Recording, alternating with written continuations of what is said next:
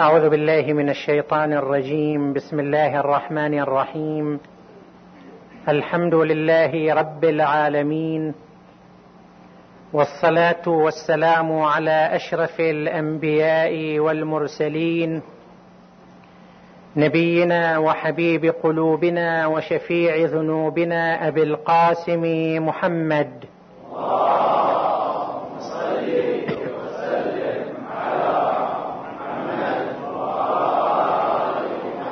صلى الله عليه وعلى آله الطيبين الطاهرين المعصومين.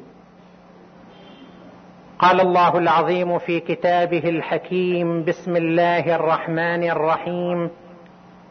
إن الله يأمركم أن تؤدوا الأمانات إلى أهلها. وإذا حكمتم بين الناس أن تحكموا بالعدل. صدق الله العلي العظيم. عطروا مجالسكم بالصلاة على محمد وآل محمد.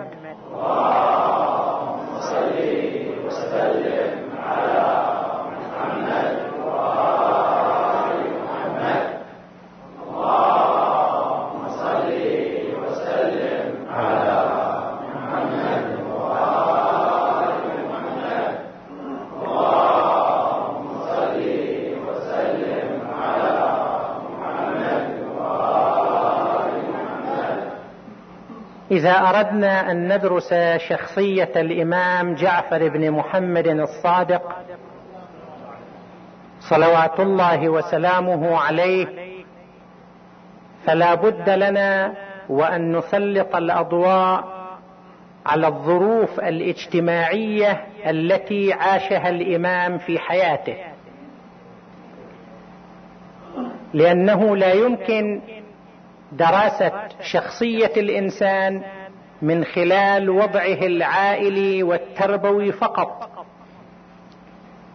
فالإنسان مدني بطبعه. يعيش ضمن مجتمع. يتأثر بما حوله ويؤثر فيما حوله. فمن أجل أن ترتسم أمامنا صورة كاملة لأي إنسان لأي شخصية. لابد وأن نعرف الظروف المحيطة بتلك الشخصية. وطبيعة تعاطي ذلك الإنسان مع الظروف المحيطة به. السلطة السياسية الحاكمة في عصر الإمام التيارات الثقافية التي كانت في عصر الإمام التكتلات الاجتماعية التي عاصرها الإمام. ولنبدا بالحديث عن السلطة السياسية الوضع السياسي الذي عاصره الإمام الصادق سلام الله عليه. طبعا السلطة السياسية هي من أكبر المؤثرات في حياة الناس. ليس هناك مؤثر في حياة الناس ينافس مؤثر السلطة. السلطة هي تؤثر على كل شيء في حياة الناس. تؤثر على وضع الناس الاقتصادي على وضعهم الاجتماعي على وضعهم الأخلاقي على وضعهم الديني أيضا. فإذا كانت السلطة صالحة ينعكس صلاحها على جميع نواحي حياة الناس. وإذا كانت السلطة فاسدة فإن الفساد يلاحق جميع جوانب حياة الناس أيضا. ولذلك يقول أمير المؤمنين علي بن أبي طالب صلوات الله وسلامه عليه إذا تغير السلطان تغير الزمان. يعني السلطان يلقي بظله بتأثيراته على الحياة كلها بحيث أن الحياة تتأثر بوضع الحكم بوضع السلطة. في مختلف الجوانب والجهات. ولذلك قديما قالوا الناس على دين ملوكهم. يعني شنو؟ يتأثرون بالوضع الذي يعيشون فيه. المؤرخ المعروف اليعقوبي من مؤرخي القرن الثالث للهجرة. عنده رسالة طريفة جدا. تحت عنوان مشاكلة الناس لزمانهم. مشاكلة الناس لزمانهم ومستقصي طوال التاريخ الإسلامي يشوف كل حاكم من حكام المسلمين شنو الصفات اللي كان يتقمصها. مستقصي أن حياة المجتمع كانت تتأثر بصفات الحاكم. فإذا كان الحاكم بخيل يشوف البخل ظاهر في حياة الناس. إذا كان متدين التدين يصير ظاهر في حياة الناس وهكذا في مختلف الجوانب. يمكن أن تناقش القضية حول دقة هذا الموضوع لكن بشكل عام لا شك في أن حياة الناس تتأثر بوضع الحكم الذي يعيشون في ظله. أحد المفكرين يقول إن سلطة التقرير السياسي تؤثر في ينبوع الماء في حديقة المنزل كما تؤثر على ينبوع الحياة في نفس الإنسان وتؤثر على حياة الطيور كما تؤثر على حياة الأمم بكاملها. وهذا أمر واضح. كلما كانت السلطة صالحة كان الصلاح منعكسا على جميع جوانب الحياة. في هذا المجال قصة يتناقلها المؤرخون من عهد الحجاج ابن يوسف الثقفي اللي تبين كيف أن وضع السلطة يأثر على, حي... على مختلف جوانب الحياة على البشر وعلى الشجر وعلى البحر وعلى الحيوانات وعلى الهواء وعلى الضوء على كل شيء يأثر. يقول واحد كان هارب من بطش الحجاج. شارد هارب. فمر على قرية. في بستان خارج القرية. شاف كلب أجلكم الله. يستظل بظل ماء وهو نايم مرتاح. وهذا مسكين خايف من مكان إلى مكان. خايف متى يلاحقوا جلاوزة الحجاج ويحصلوه. فتمنى أن يكون مثل ذاك الكلب. قال يا ليتني كنت مثل هذا الكلب. شلون مرتاح؟ امن شارب ماء وفي الظل نايم ولا مفكر في شيء. يقول راح. بعد ساعات مثلا كان الصبح العصر رجع فرأى الكلب مقتولا في محله. سأل شلون هذا؟ أتمنى أن يصير مثل آمن مطمئن. صار قالوا اليوم صدر قرار من الحجاج بقتل كل الكلاب في هالمنطقة. فاذا وضع الحكم ووضع السلطة تؤثر على مختلف جوانب الحياة. إذا كان الحكم مستقرا علاقته مع الناس طيبة جيدة حياة الناس تكون آمنة مطمئنة. ولذلك الإنسان المؤمن في الأدعية يدعو اللهم آمنا في أوطاننا. أما إذا كان البلد يعيش اضطرابات يعيش مشاكل ما في ثقة متبادلة ما في ارتياح هذا يؤثر على نفوس الناس يؤثر على مختلف جوانب حياة الناس. اذا مسألة تأثير السلطة والحكم على شخصية الإنسان وعلى وضع المجتمع مسألة واضحة. ولذلك هناك حديث يروى عن رسول الله صلى الله عليه وآله. يقول فئتان من أمتي إذا صلحتا صلح الناس. وإذا فسدتا فسد الناس. من هم؟ من هما الفئتان؟ قال العلماء والحكام. إذا صلحتا حياة الناس تصير صالحة. إذا فسدتا حياة الناس تكون فاسدة تتأثر بتلك الحالة. بعد هذه المقدمة القصيرة تعالوا ندرس الظروف السياسية في عهد الإمام جعفر الصادق سلام الله عليه. ولد الإمام كما سبق سنة ثمانين للهجرة أو ثلاثة وثمانين على اختلاف الروايات. وحينئذ كانت الأمة الإسلامية تخضع لسيطرة الحكم الأموي لسيطرة الأمويين. الأمويون تولوا الحكم من سنة واحد وأربعين للهجرة بعد شهادة الإمام علي سلام الله عليه وصلح الإمام الحسن مع معاوية أصبح الحكم لمعاوية ابن أبي سفيان واستمر الحكم في الأمويين. في البداية كان في آل أبي سفيان بعدين انتقل لمروان وأبنائه وأسرته.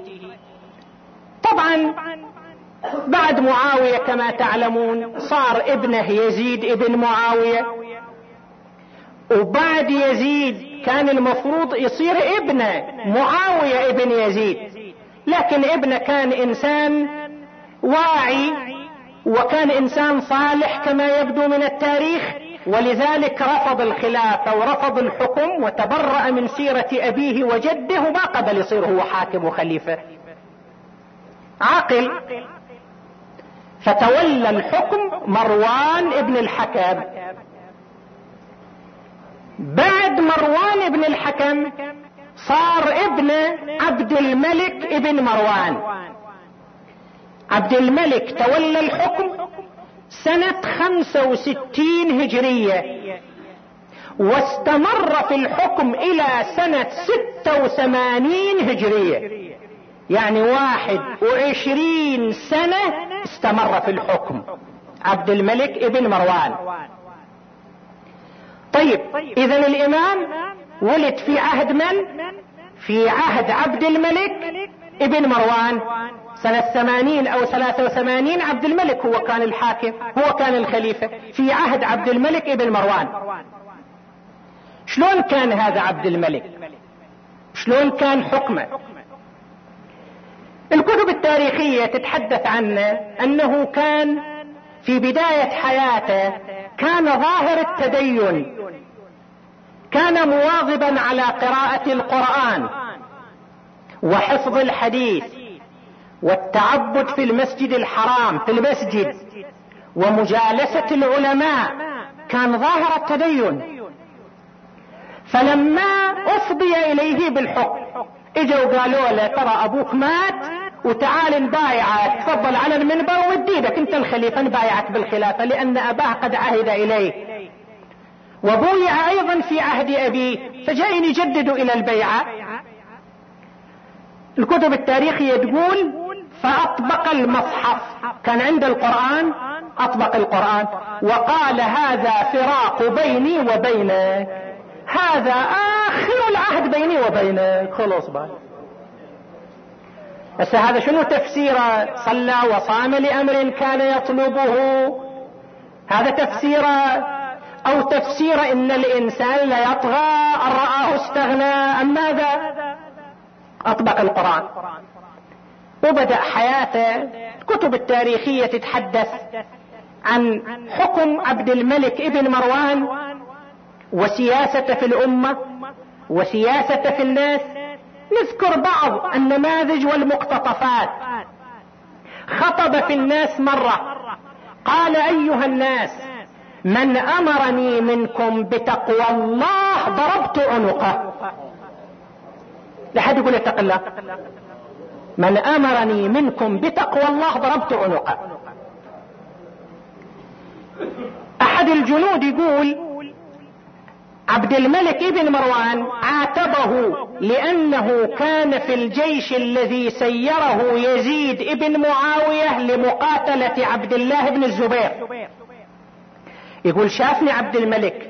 قال يا فلان أسرت في الجيش لقتال عبد الله بن الزبير لأن عبد الملك ما كان راضي ذاك الوقت عن قتال عبد الله بن الزبير. يقول قلت له بلى.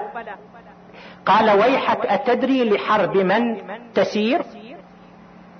إنك تسير إلى حرب أول مولود ولد في الإسلام. وإلى من حنكه رسول الله عند ولادته.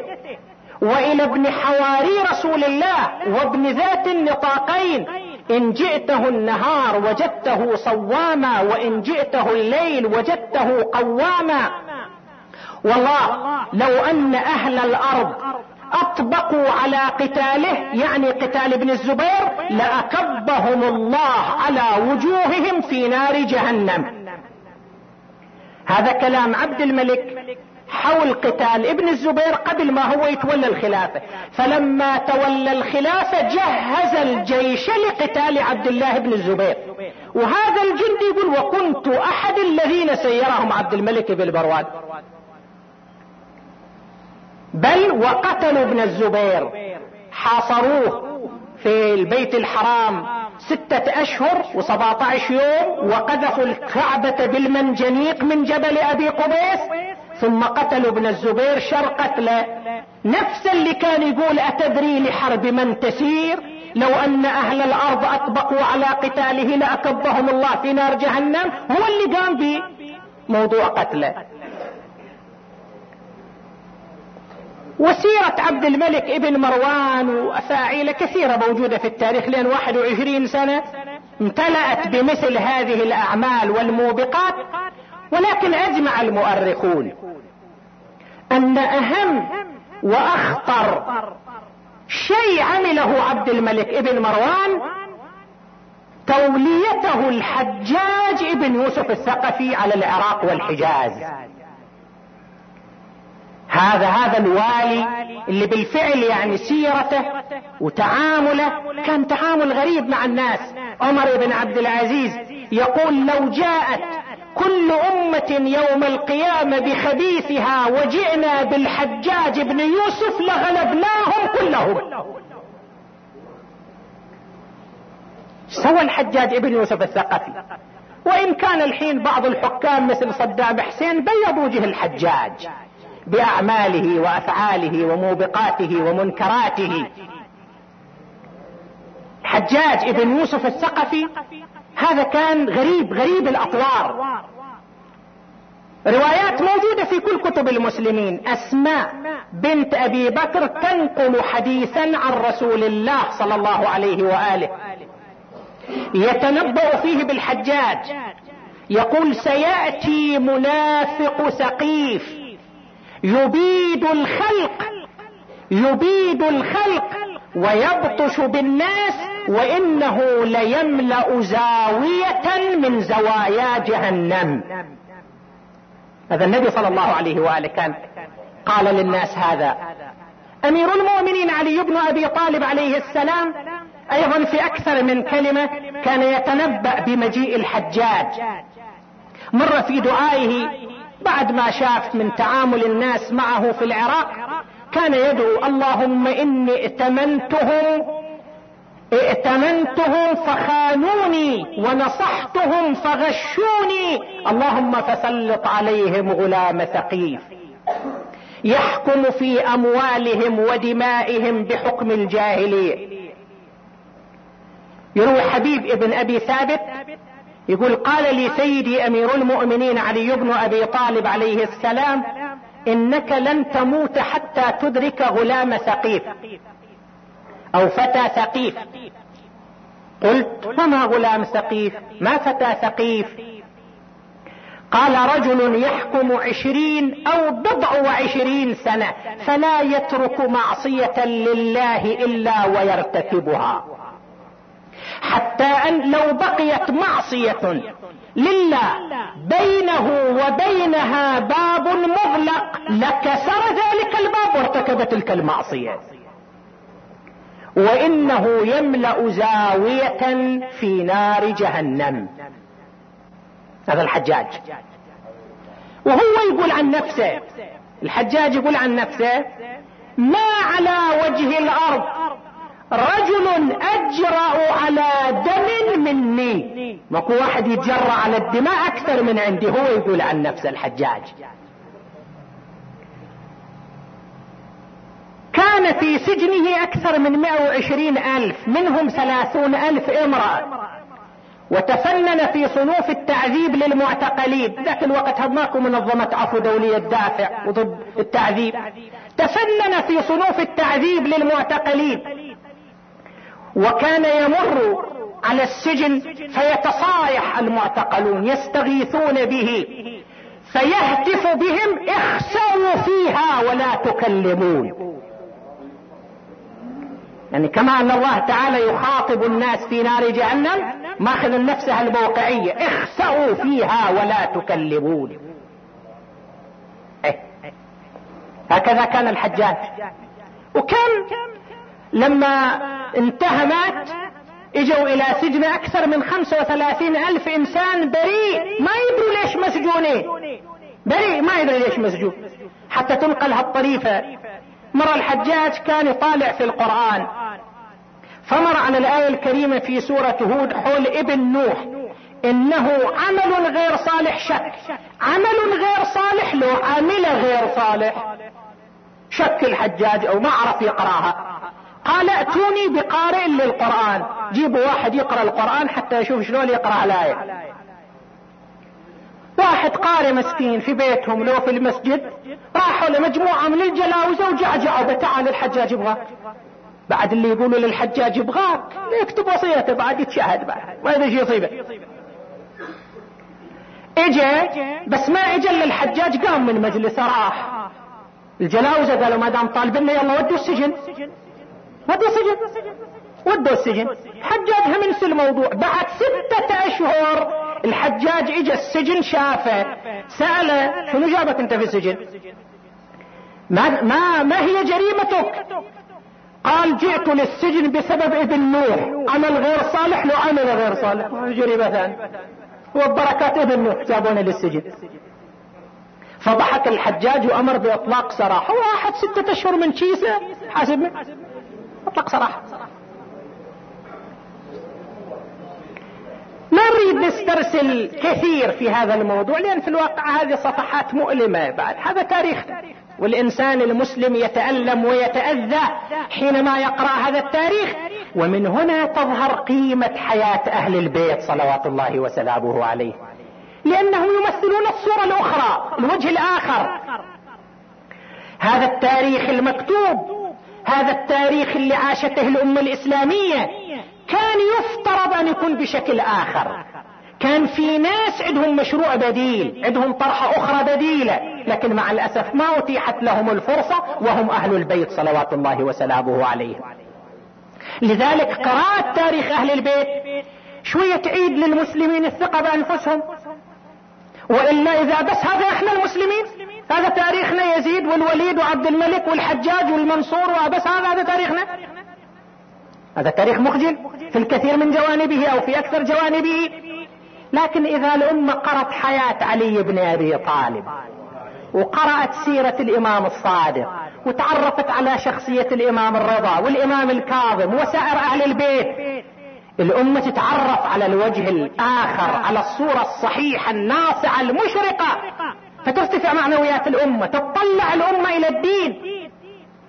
الآن بعض الكتاب اللي يتحدثوا ضد تطبيق الشريعة وضد أن يكون هناك حكم إسلامي شنو أدلتهم؟ يقولوا شنو تريدوا حكم إسلامي يعني أي شكل مثل عبد الملك بن مروان مثل الحجاج ومثل المنصور العباسي. لازم يعرفوا أنه لا نريد مثل حكم علي بن أبي طالب. نريد مثل طرح الإمام الصادق. نريد هالطريقة هالسيرة الناصعة الطيبة؟ هذا هو اللي يعطي امل للمسلمين. هذا هو اللي يرفع معنويات المسلمين ويعطيهم ثقة بأنفسهم وبدينهم. وهنا ينبغي أن نقول ملاحظتين. لأنه إحنا مثل ما تحدثنا أول ليلة التاريخ مو المطلوب أن يقرأ كسرد وإنما المطلوب أن يقرأ كمدرسة. تؤخذ منها العبر تؤخذ منها الدروس. ملاحظتان. الملاحظة الأولى أن هالحالة السياسية اللي عاشتها الأمة في ظل الحكم الأموي في ظل الحكم العباسي هي نتيجة طبيعية للرأي اللي ساد في الأمة أن الإسلام ليس له نظام معين في الخلافة والحكم. مو هالفكرة لما صارت أنه الرسول مات صلى الله عليه وآله وما عين طريقة معينة للحكم والخلافة. هم المسلمين أنتم أعلم مني بأمور دنياكم. هم المسلمين يختاروا لهم بأي طريقة. لما هالفكرة سادت هذه نتيجتها الطبيعية. ليش؟ لأنه إذا ماكو نظام إذا ماكو طريقة إذا ماكو نص تارة تصير الخلافة مثل ما صار بالنسبة للخليفة الأول. أنه في سقيفة بني ساعدة يبايع. جمع من المسلمين يحضروا ويبايعوه هذه طريقة. طريقة ثانية يصير مثل ما صار بالنسبة للخليفة الثاني عمر بن الخطاب أن الخليفة اللي قبله الخليفة الأول نص عليه وصار هو الخليفة. هذه طريقة ثانية تختلف عن الأولى. الطريقة الثالثة اللي وصل بها الخليفة عثمان إلى الحكم شورى من ستة أشخاص هم يقررون هذه طريقة ثالثة غير الأولى والثانية.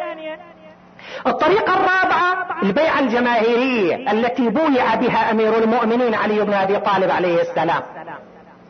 هذه طريقة أخرى.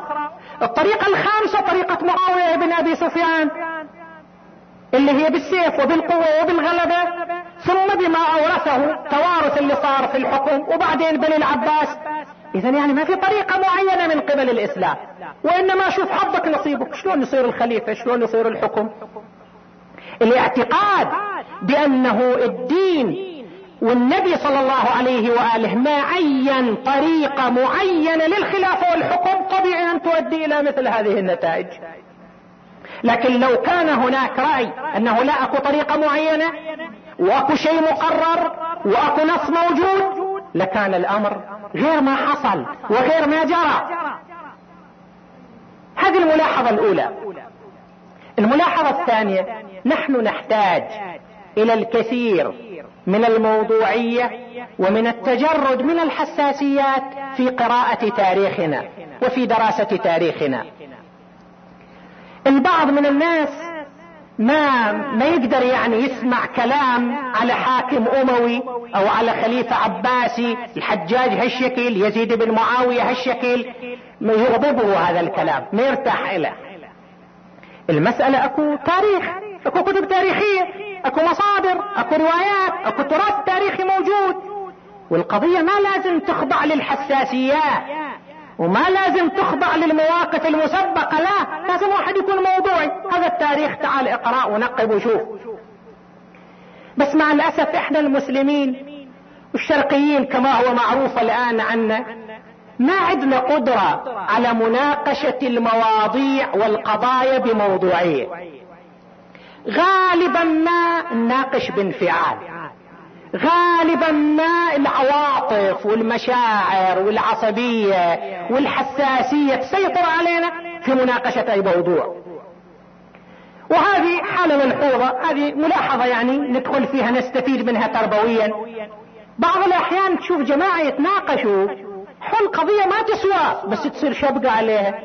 تصير شبقة تصير معركة عليها مع إن القضية ما تسوى.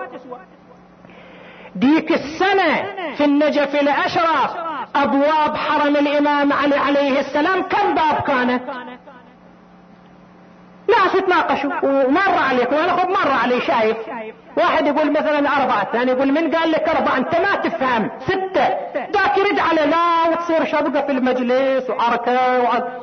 ما تحتاج القضية أي شكل ما تستوجب أي شكل يعني ما تستوجب هالشكل. الحوار الموضوعي والنقاش ما متعودين عليه. ما قال فينا حتى في قضايا التاريخ الماضية. نتعارك ونتصارى هسه تعال نبحث موضوعيا الحجاج شنو كان نشوف التاريخ نشوف الكتب نشوف نبحث في الموضوع. بتجرد إذا اكتشفنا أن الحجاج خوش رجال زين ليش نظلمه؟ لا أنا ولا أنت ما نظلمه. إذا اكتشفنا أنه مو مو زين يعني ما ما في مشكلة ما في قرابة لا بيني وبينه ولا بينك وبينه. لازم بتجرد وبموضوعية ندرس القضية. لكن غالبا ليس هكذا. آه، كنكتة لترطيب الأجواء. واحد عند وفاته كتب في وصيته أنه أنا إذا متت ادفنوني جنب قبر فلان. ليش؟ فلان المدفون مكتوب على قبر عبارات مدح. هذا قبر العابد الزاهد التقي الورع وهذا غايب ظنه قال إذا أنا متت خلوا قبري جنب قبره. واكتبوا على قبري أن القبر الذي بجانبي قبر واحد فاسق فاجر طايح حاط ما يستحي. كتبوا على قبري عيشتي بس شنو؟ بارك على القبور. يعني حالة من الانفعال. في مختلف القضايا عادة تصير هذه الحالة مع أن هذا خلاف آداب الدين خلاف التعاليم. إنسان لازم تكون عنده موضوعية. غاية الأمر أنه أنت يكون عندك رأي والثاني يكون عنده رأي. لا أنت قنعت برأيك ولا هو قنعك برايه كل واحد حر على رأيه. يعني ليش لازم أنا أقبل رأيك؟ أو ليش لازم أنت تقبل رأيي؟ إحنا المشكلة نعيش هذه الحالة. بين المسلمين بشكل عام على اختلاف المذاهب. طيب أنا ضمن مذهبي عندي هذا الرأي. وهذه أدلتي. تقتنع بأدلتي؟ جزاك الله خير. تقنعني بأدلتك؟ أكون ممنون لك لا أنا اقتنعت بكلامك. ولا انت اقتنعت بكلامي لكم مذهبكم ولي مذهبي. كما أن الله تعالى قال للكفار لكم دينكم ولي دين. ليش لازم أخضع لك أو انت تخضع لي؟ ليش؟ كل واحد على حريته. كل واحد على رأيه. حتى ضمن المذهب الواحد إحنا نشكو من أن الآخرين يريدون فرض آرائهم علينا. إحنا مع بعضنا البعض. هم نمارس نفس الحالة. كل واحد منا يبغى يفرض راية على الآخر. يا أخي أنت من حقك تبشر برأيك تطرح فكرتك. اقتنعت أنا فيها أهلا وسهلا. ما اقتنعت فيها أنت ما لك سيطرة علي. النبي ما له سيطرة على الناس. فذكر إنما أنت مذكر لست عليهم. بمسيطر. آيات القرآن بالفعل تربي وتوجه وتبني السلوك الاجتماعي الطيب الطاهر.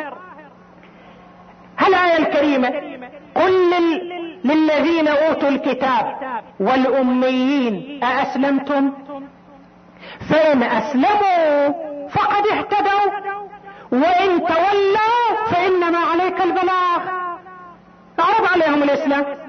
قبلوا الإسلام. أهلا وسهلا. فقد اهتدوا. وإن تولوا في سوفهم فإنما عليك البلاغ. والله بصير بالعباد. مو أكثر من هذا يعني نحن يجب أن نتحلى بهذه الأخلاق.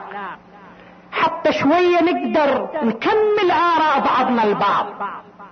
يمكن رأي يكمل رأيك. يمكن فكرتي تنضج فكرتك. يمكن كلامي أصح من كلامك ويمكن بالعكس. تعال اسمعني وأنا أسمعك. قدرنا نوصل إلى قاسم مشترك جيد. ما قدرنا أنت تحترمني وأنا أحترمك. كما هو أمر الله. وكما كان الأنبياء في سيرتهم وفي دعوتهم. أنت أحرص على الدين. أنت تعتبر نفسك تمثل رأي الدين. أنت أحرص على الدين من النبي. انت احرص على الدين من الامام المعصوم انت احرص على الدين من الاولياء الاولياء ما هكذا كانت طريقتهم. ما كان في ارهاب فكري ما كان في فرض وإنما كان في تذكير. فذكر إنما أنت مذكر لست عليهم بمسيطر. قضايا التاريخ عندنا كما هي قضايا الواقع. ينبغي أن نتعلم كيف نتحاور بموضوعية وأن نستهدف الحق والحقيقة مو عصبيات ما لازم يصير المذهب مثل القبيلة للواحد عصبية قبيلية. ذاك اللي آمن بادعاء مسيلمة للنبوة. المسلمون يجوا يتناقشوا وياه قال لا تناقشوني. إني أعلم أن مسيلمة نبي كذاب. ولكن كذاب ربيعة أفضل من صادق مضر. كذاب بس من قبيلتي هو أحسن من ذاك الصادق اللي من قبيلة أخرى. هذه عصبية ما لازم تكون الحالة المذهبية والحالة الدينية والحالة الفكرية تخضع لهالأمر العصبي. بالنسبة إلى تقويم الحكم الأموي في كتاب قيم وجميل جدا. كتبه عالم مشهور من علماء المسلمين. وممن ارسوا الفكر الإسلامي الحديث المعاصر وهو العلامة أبو الأعلى المودودي من علماء المسلمين المعروفين واللي هو حائز على جائزة الملك فيصل لخدمة الإسلام. أعطوه جائزة. هذا العالم ألف كتاب جدا جميل وظريف. الكتاب اسمه الخلافة والملك. الخلافة والملك. طبع في الكويت دار القلم في الكويت طبعت الكتاب. ما أدري هذا الكتاب متوفر هنا ولا لا. يناقش يقسم تاريخ المسلمين في العهد الأول إلى فترتين. الفترة الأولى فترة الخلافة الراشدة. يطلق عليها فترة الخلافة الراشدة يعني الخلفاء الأربعة وكيف كانت أوضاع الأمة في عهدهم وما بعد ذلك يعني حكم بني أمية يقول هذا مو خلافة هذا ملك ملك عضوض. ويقول سبب ويلات الأمة وانتكاسة المسلمين والمشاكل اللي حصلت في كل تاريخ الأمة هي من فترة الحكم الأموي. ويتحدث كيف استطاع بنو أمية أن يصلوا إلى الحكم. يقول استغلوا طيبة الخليفة الثالث عثمان بن عفان. استغلوا طيبته. ليش؟ لأنه جعل سكرتيره الخاص وأمينه العام في الدولة مروان بن الحكم. وأبو الأعلى الموجود خب ما يتهم في مذهبه أو عقيدته عالم من أعلام المسلمين. ويجيب المصادر ويجيب كل قصة ينقلها كل موقف ينقله يجيب مصادر وبروحية يعني تقديس أيضا. حينما يتحدث عن الخليفة عثمان يقول سيدنا عثمان رضي الله تعالى عنه يعني ما عنده موقف مسبق. لكن مع ذلك يقول الخليفة عثمان كما قال عن نفسه كان متأولا. قال إن الخليفتين أبا بكر وعمر تأولوا الشطف في العيش. وأنا تأولت صلة الرحم. الإسلام مو أمر بصلة الرحم. وبني امية رحمي قرابتي أسرتي. فأنا أبر وأصل رحمي. وأعطيهم مناصب وأعطيهم مجال وأعطيهم امتيازات. فهذا تأول. تأول صلة الرحم. وعلى أساس هالتأول أعطى المواقع لأسرته بني أبي. يقول أبو الأعلى المودودي كيف يجعل الخليفة عثمان؟ مروان بن الحكم سكرتيرة والأمين العام للدولة. يقول من هو مروان؟ يجيب تاريخه أبو الاعلى المودودي من كل المصادر والكتب. يقول هذا أبوه الحكم ابن العاص. هذا من الطلقاء من البيوتات المكية التي بقيت تقاوم الإسلام والدعوة الإسلامية. حتى آخر لحظة فأسلموا. بعد فتح مكة فعفى الرسول عنهم وقال اذهبوا فأنتم الطلقاء. الحكم اجى إلى المدينة عاش في المدينة كان يفشي أسرار المسلمين وكان يقلد رسول الله ساخرا. يعني يحاول يقعد مثل النبي حتى يضحك الناس يتكلم مثل النبي يقلد عليه بقولتنا. فرآه الرسول يفعل ذلك مرة فغضب منه وأمر بطرده إلى الطائف. وياه ابن مروان وكان عمر مروان سبع أو ثمان سنوات وبقي مروان طريد ولذلك يقال له طريد رسول الله. الحكم مع ابنه مروان بقي في الطائف. بعد وفاة رسول الله صلى الله عليه وآله في عهد الخليفة الأول أبي بكر التمسوا من أبي بكر أن يعود من الطائف. قال لا أرجع من طرده رسول الله. ما رضى الخليفة أبو بكر يرجعه. في عهد الخليفة عمر طلبوا منا أن نرجع رفض الخليفة عمر. قال لا أعيد من طرده رسول الله. في عهد الخليفة عثمان الخليفة عثمان يقول أنه استجاز الرسول في حياته فوعده بإعادته إلى المدينة فتطبيق لذلك الوعد جاب الحكم. مبجلا معظما وخلى ابنه مروان هو السكرتير العام للخليفة وللدولة الإسلامية. حتى زوجته نائلة. نائلة زوجة الخليفة عثمان حذرته منه قالت إنه سيقضي عليه هذا مروان راح يقضي عليه واستغل مروان طيبة الخليفة وهنا بدأت بدأ النفوذ الأموي وبدأ الأمويون يتمكنون. معاوية كان والي على دمشق فقط مو كل أعمال الشام. خليفة عثمان خلى له ولاية على كل الشام اللي تشمل لبنان وفلسطين والأردن وحمص كلها خلها تحت ولايته. وأعطاه صلاحيات كاملة. من هنا بدأت المشكلة في رأي العلامة أبي الأعلى الموجودي طبعا لما طبع كتابه صارت ضد ضجة وزوبعة واتهم بأن أنت تنال من الصحابة وتتجرأ على الصحابة. هو رد على هذه الدعاوى وطبعها أيضا في كتابه في طبعة ثانية. وقال من يزايد علي حول الصحابة؟ هم الصحابة مو معصومين. إحنا يعاتبونا الشيعة أنتم تقولوا بعصمة أئمتكم. خو أنتم إذا ما ترضوا ينتقد أحد من الصحابة أو من الحكام يعني شنو؟ يعني معصومين. لازم ما ينتقدوا.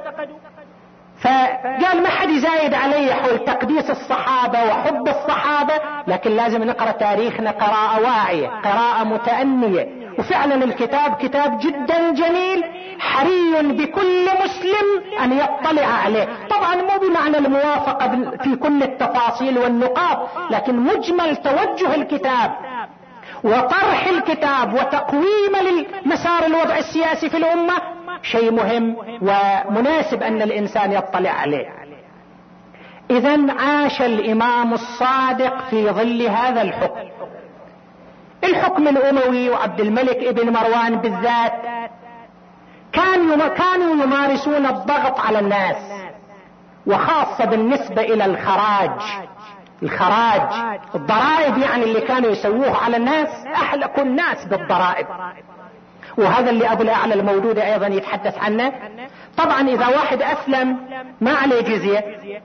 فكثير من الناس كانوا يدخلوا في الإسلام من الذميين. ويأتون إلى المدن إلى البصرة وإلى الكوفة. فكتب الوالي إلى الخليفة الأموي عبد الملك أنه ترى هذول إذا أسلموا وسقطت عنهم الجزية بعد شلون نحصل ميزانية للدولة إحنا؟ شلون نحصل ميزانية قسم لا بأس فيه من ميزانية الدولة يجي منها الضرائب منها الجزية اللي عليهم. إذا هم كفار إذا صاروا مسلمين وخسرنا الجزية اللي ناخذها منهم. فصدر الأمر من عبد الملك أن اطردوهم من المدن وخذوا عليهم الجزية فإسلامهم كان فرارا منها فهي تجب عليهم. ما عليكم منهم حتى لو أسلموا وخذوا لهم الجزية. تقول الروايات التاريخية واللي ينقلها ابو الاعلى الموجود أيضا في كتابه عن مختلف المصادر وفعلا سوت السلطة حملة في الكوفة وفي البصرة وجمعوا دول اللي دخلوا في الإسلام وطردوهم. تقول الروايات التاريخية فخرجوا من المدن وهم يهتفون واسلاماه ومحمدا. مسلمين يطردوهم فرض عليهم الجزية. فبكى معهم الفقهاء والعلماء لكن بعد خلص عبد الملك الخليفة قرر بعد شو يسوي؟ جزية وبعدين السب الذي سموه واللي أبو الأعلى الموجود أيضا يتحدث عنه يقول سنوا سب علي بن أبي طالب على المنابر. وكانوا يسبونه على منبر رسول الله وأمام الروضة النبوية. هذا كلام أبو الأعلى الموجودي وأمام الروضة النبوية وبمسمع من ذريته وأسرته. الإمام علي سب على المنابر. هكذا كانوا. وأهل البيت طبعا الإمام الصادق عليه السلام حينما نشأ طبعا يتردد على المسجد النبوي ويسمع الخطيب يخطب خطبة الجمعة ويحضر فيسمع سب جده أمير المؤمنين علي بن أبي طالب. هو وبقية أهل البيت. يسمعون سب جدهم أمير المؤمنين. وبغير حق وبعض الخطباء يبالغون في السب والشتم كما أنتم سامعين من الكثير من الخطباء ومن المنابر. لكن شو يسووا لأهل البيت. إنا لله وإنا إليه راجعون. كانوا يفوضون أمرهم إلى الله. يحتسبون ذلك عند الله سبحانه وتعالى. طبعا الإمام الصادق كان يسمع شتم جده أمير المؤمنين وهو في وضعه وحالته العادية. لا شك وأنه سمع من جده زين العابدين علي بن الحسين. خل ولو خيالا ولو خيالا خلنا نتصور أن الإمام الصادق يجي البيت متألم متأذي ويتحدث لجده زين العابدين عما سمع. زين العابدين أقول على نحو الخيال خلنا نتصور هذا الشيء. زين العابدين يقول له ابني انت هالشكل تسمع سب علي بن أبي طالب. أنا سمعت سب جدي في مجلس يزيد ابن معاوية. الحالة أسوأ وأبشع من هذه الحالة. خلوهم على الباب أوقفونا على باب مجلس يزيد ثلاث ساعات. ثم خرج غلام وفي يده حبل طويل. قلت يا غلام ما تريد أن تصنع بهذا الحبل؟ قال آمرني أمير المؤمنين يزيد أن أربقكم بهذا الحبل وأن أدخلكم عليه مكتفين بالحبال. قال له الإمام زين العابدين أعطني الحبل فألا أربق وأكتف عماتي وأخواتي. أهون علي من أن تمسهن يدك. أخذ الإمام الحبل نادى بعمته زينب. عم اجعلي بداية الحبل في عنقك أنت أكثر تحمل من النساء من الاطفال من اليتامى جعل بداية الحبل في عنق زينب ونهايته في عنق زين العابدين وأدخلوهم في مجلس يزيد ابن معاوية. اللي بعدين زين العابدين يلتفت إلى يزيد يزيد ما ظنك بجدنا رسول الله لو يرانا ونحن على هذه الحالة. منظر جدا مؤلم وبشع. كان الإمام زين العابدين يعيش هذه المأساة طول حياته ومن تلك المواقف. تقول الرواية رجل شامي كان جالس إلى جنب يزيد. نظر إلى فاطمة بنت الإمام الحسين وكانت صبية صغيرة فتاة صغيرة في السن فالتفت إلى يزيد. قال يا يزيد يا أمير المؤمنين هب لي هذه الجارية تكون خادمة في بيتي. الجارية لما سمعت البنت لما سمعت تألمت تأثرت لاذت بعمتها زينب هي الكفيلة بعد. وظنت أنه يمكن أن يصير يحصل هذا الشيء. قالت وهي باكية يا عم أيتمت وأستخدم على صغر سني.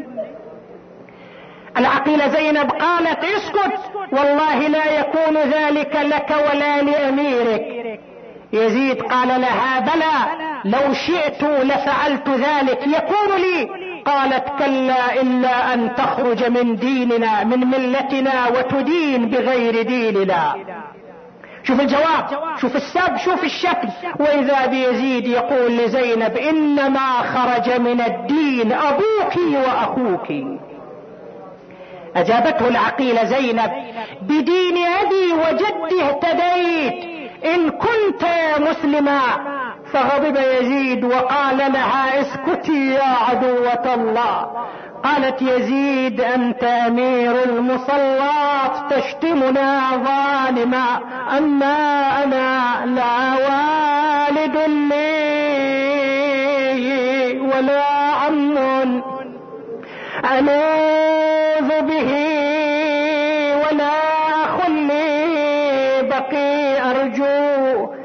ذو رحمي اتجهت إلى أبيها أمير المؤمنين. تناشد حيدر يا ابويا ما تجينا وتشوفنا شلون نسبينا سبايا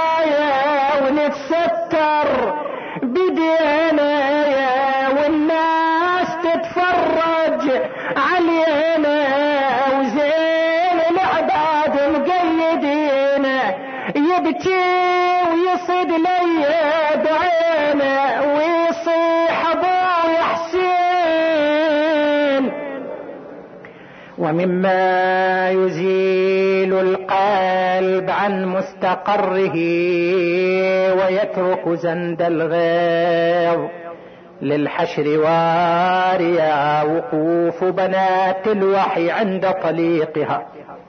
اللهم صل على محمد وآل محمد.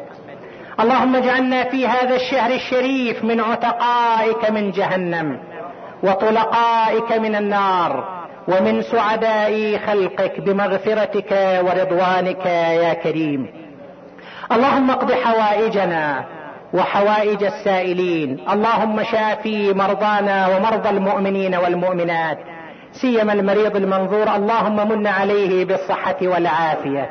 وإلى أرواح أمواتنا وأموات الحاضرين والمؤمنين والمؤمنات نهدي ثواب الفاتحة مع الصلوات.